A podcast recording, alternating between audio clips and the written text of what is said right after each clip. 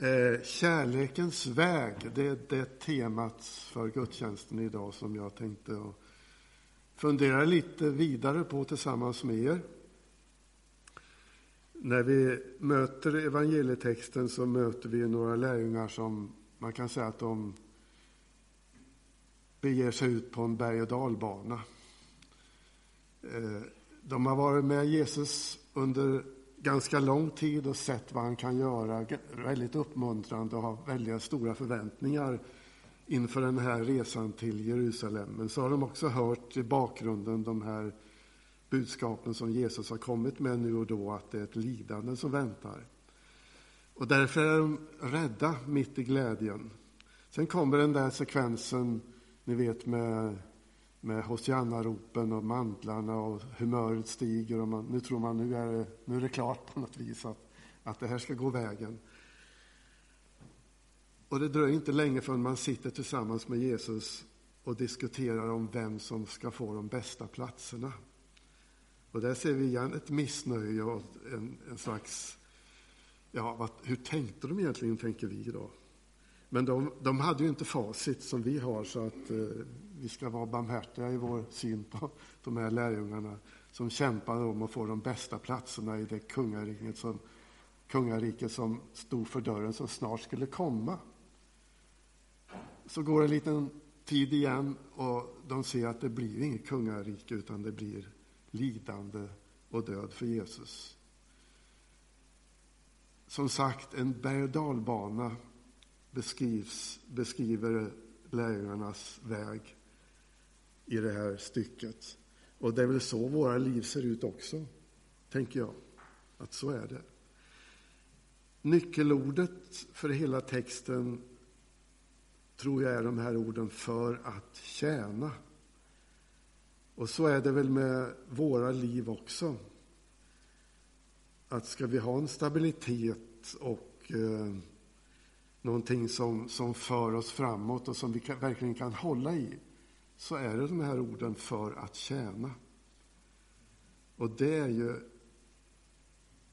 en väldigt bra sak, egentligen. Jag ser det inte som ett tungt arbete, utan det finns väl ingenting som är mer inspirerande än när vi ser någon gång nu och då att vi faktiskt har, har tjänat något, att vi har varit till nytta för en medmänniska. Jag tror inte det finns något som lyfter oss mer egentligen på vår resa genom livet än, än just det. Och vi är här alltså för att tjäna. Det är, det är en källa till glädje och stabilitet mitt i det här gungflyt som livet är. Idag är det ganska svårt att prata om kärlekens väg. Det finns någon, någon, någon typ av, av förakt ute i samhället för kärleken, för att välja den väg som, som Jesus har bjudit in oss på. Eh, man har till och med myntat ett begrepp, ni har nog hört det, godhetsknarkare.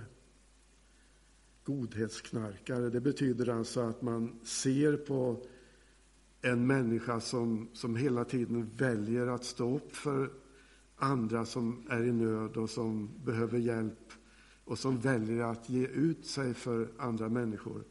Ja, det är godhetsknarkare. De, de gör det för sin egen skull. Och de, de har ingen klar syn på det hela. Och man liksom i samhället myntar mer och mer ett begrepp där. Och hårdheten växer i sättet att se på medmänniskan. Det har till och med gått så långt så att en generaldirektör för, för Migrationsverket fick gå för att han var, ja vad var han? Han var asylaktivist. Kan ni tänka er, han var chef för det verket som gång efter annan har fått våra hjärtan att gråta över den hårdhet som finns när man skickar människor bort ifrån vårt land. Han som är chef för detta får heta asylaktivist och får gå från sin tjänst. det säger rätt mycket om vad klockan är slagen i vår värld och inte minst i vårt land idag. Jag tror att vi faktiskt får kämpa för att få vara de som väljer kärlekens väg. Och vi får arbeta för att hålla fast vid det. Ni vet, de här glidningarna, de är så lätta att följa med på. Där vi sakta förändras i vårt sätt att se. Ja, det är nog rätt och riktigt att det och det sker. Och så rätt vad det är så är vi på ett ställe där vi inte ville vara. Vi behöver slå vakt och bevara idag kärlekens vägs princip i våra liv. När jag ser på Jesus som gestalt så är det en sak som är viktigare för mig än någonting annat. Det är egentligen inte att han är frälsare. Utan det är egentligen detta att han står för någonting som vi som människor kan stå för med hans hjälp. Det är det han frälser oss till, så att säga. Och det är just det här att få vara i tjänst, att få tjäna. Tjäna den levande guden och Guds hjärta ska visa sig genom vad vi gör tillsammans. Och när jag säger tillsammans så betyder det ordet väldigt mycket egentligen. Att vi tillsammans ska få gå en väg som är rätt och riktig. Förra lördagen så var vi samlade i hemgruppen till samling då, uppe i Kroksvall. Och eh, vi tittar lite grann på den här texten och eh, lyfter fram också det här med kärlekens väg och pratar om det. och eh, man kan väl säga så här att vår hemgrupp det är en provkarta också på ganska svåra situationer. Svåra trauman har flera gått igenom genom livet. En del är i det precis nu. Vi har psykisk ohälsa i vår hemgrupp som är rätt så utbredd ibland oss. Eh, det är inte så lätt att komma dit och säga att, att vi mår bra tillsammans, för det gör vi inte. Utan det är jobbigt för många av oss. Och hur ska man då kunna välja kärlekens väg mitt i det här? Det var vårt samtal egentligen. Jag tror att vi kanske behöver att se lite grann mer på det här problemet med psykisk ohälsa i vår mitt. För det finns en nyckel i det att ska vi uppleva kärlekens väg tillsammans som är viktig så gäller det att vi är öppna för varandra och bjuder in varandra till att gå den just tillsammans. Och då måste vi se varandra som vi är. Kanske behöver vi öppna oss lite mer så att inte någon känner sig ensam i sin situation, i sitt mående. Det är lätt att vi för ett samtal och en förkunnelse som ligger här uppe och vi är kanske här nere. Och då blir det svårt för dem som har det tuffast ibland oss. Det skapar främlingskap som är svår att överbrygga. Men hur gör vi för att komma åt det här då? Ja, där tror jag att hemgrupperna är en, en nyckel. Där vi faktiskt kan öppna oss och vara väldigt raka med vilka vi är och hur vi mår. Vi behöver kunna tala om det på ett omtänksamt och riktigt sätt. Kanske inte i den stora gruppen, utan i det lilla sammanhanget där vi har lärt känna varandra.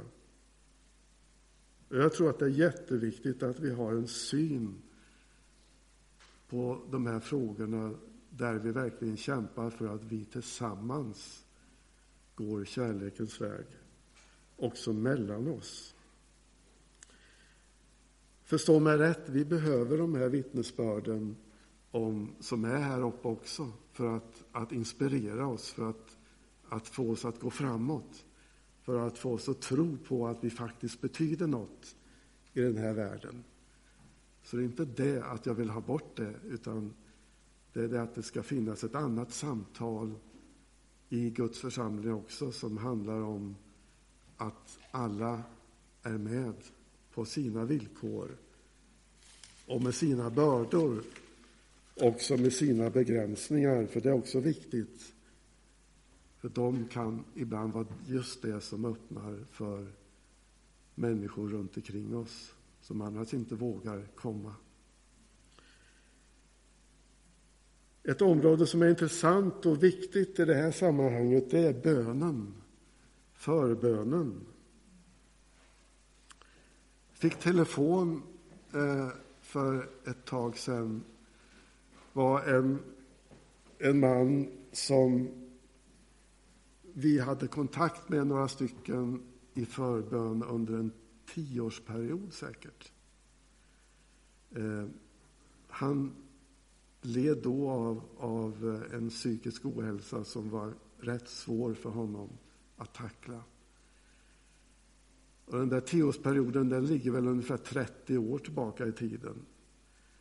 Och eh, jag förstod lite grann av det här korta samtalet att jag ska träffa honom Eh, så småningom här igen. Då. Att eh, det var ungefär likadant med honom nu.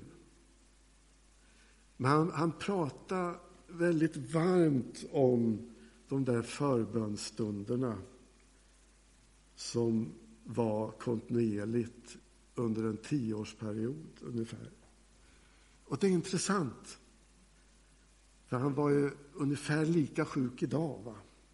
som han var då. Varför pratar han så med sån glädje om det? Det är, en, det är en spännande fråga för oss.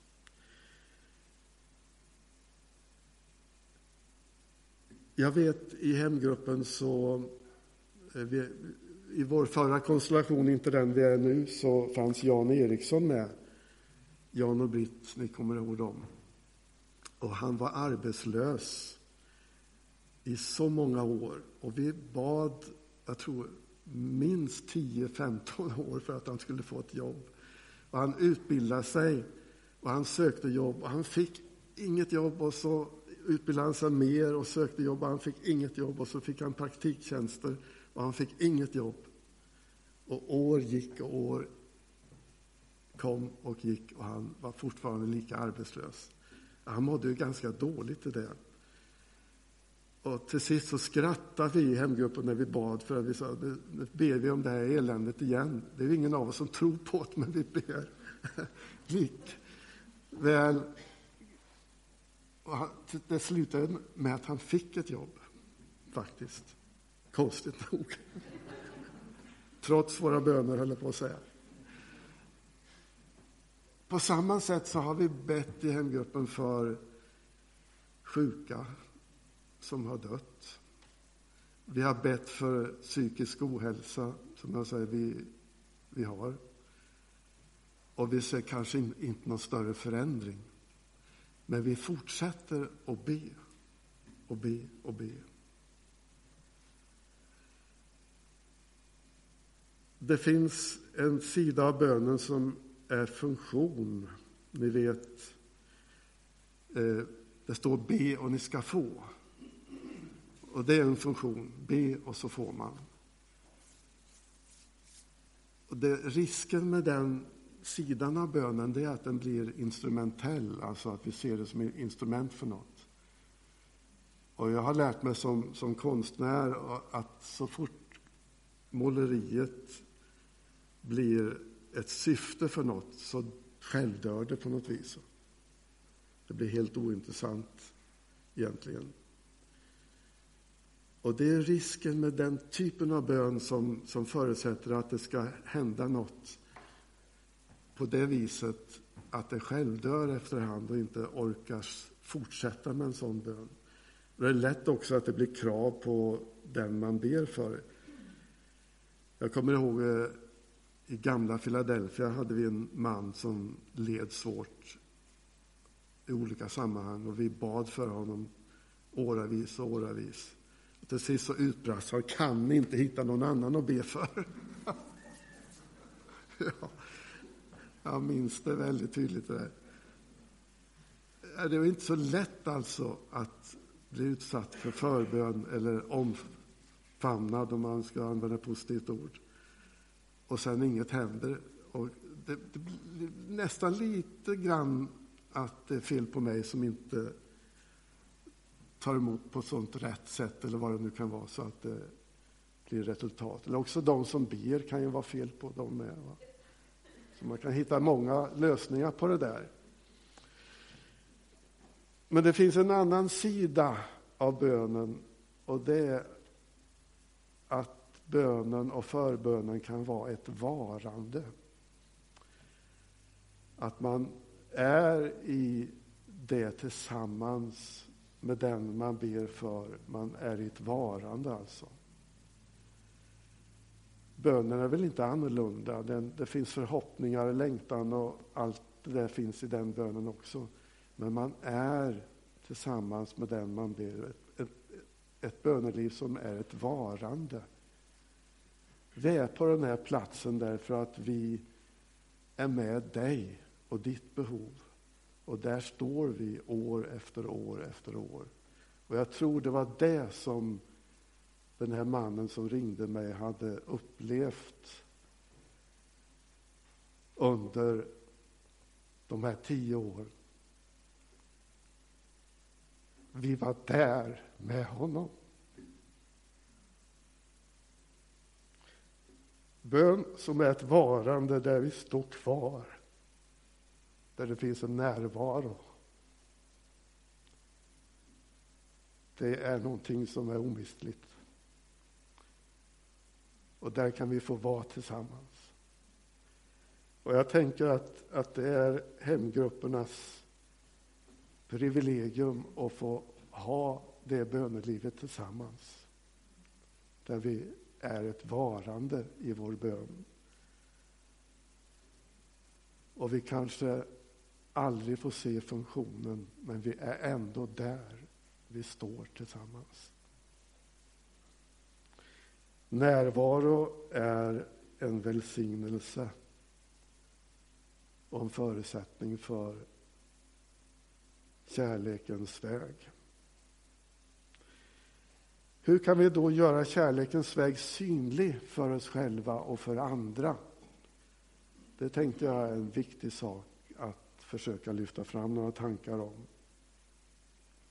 Och jag tänker att det finns tre områden som jag tror vi kan belysa.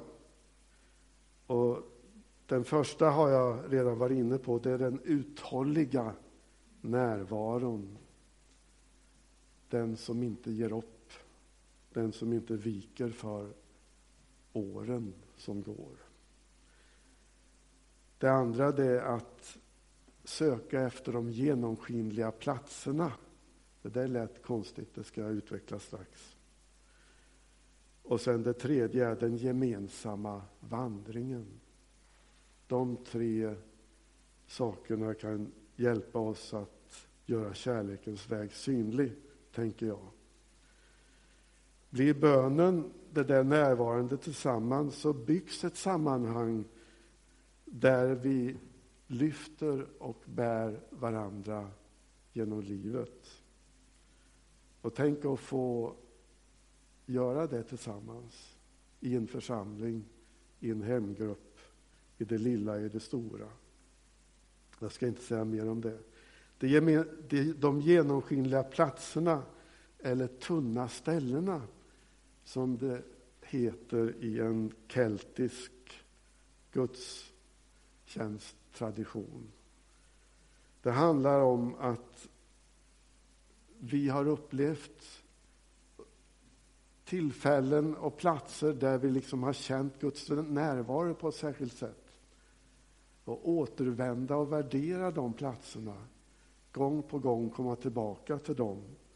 Och det kallas i den här keltiska traditionen till, så, eh, kallas för tunna ställen.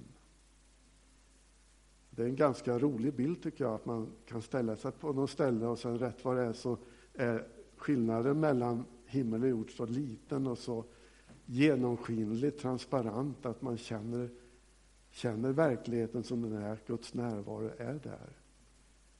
Och jag tror att ni alla har sådana ställen. Thomas Merton, den kände trappistmunken, han skriver så här. Vi lever i en värld som är helt och hållet genomskinlig och Gud uppför, upphör inte att lysa igenom den. Det är varken en saga eller en naiv historia, det är sant. Om vi överlåter oss åt Gud och glömmer oss själva kommer vi emellanåt att se det. Kanske ser vi det ofta. Gud visar sig överallt, i allt, i människor, i ting, i naturen och livets händelser. Det blir helt uppenbart att Gud är överallt, i allting och att vi inte kan finnas utan honom. Det är omöjligt, det är bara det att vi inte ser det.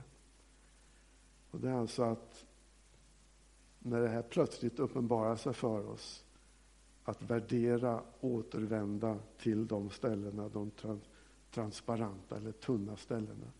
För en del är det att gå ut i naturen. andras upplever det kanske i musik eller konst eller i bibelläsning.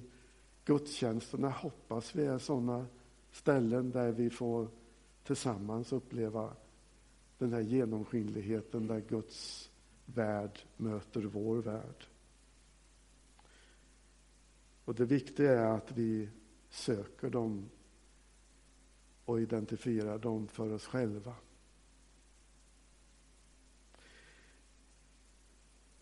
Det tredje var den gemensamma vandringen. Det finns en populär bild av eh, en människas vandring och lite problematik kring det. Ni vet de här fotspåren i sanden.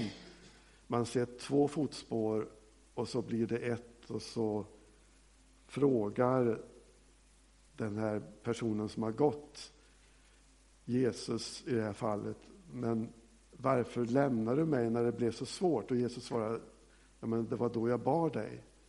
Och det är en fin bild och en, en sann bild, men lite grann av Robinson Crusoe på en öde innan fredag kom.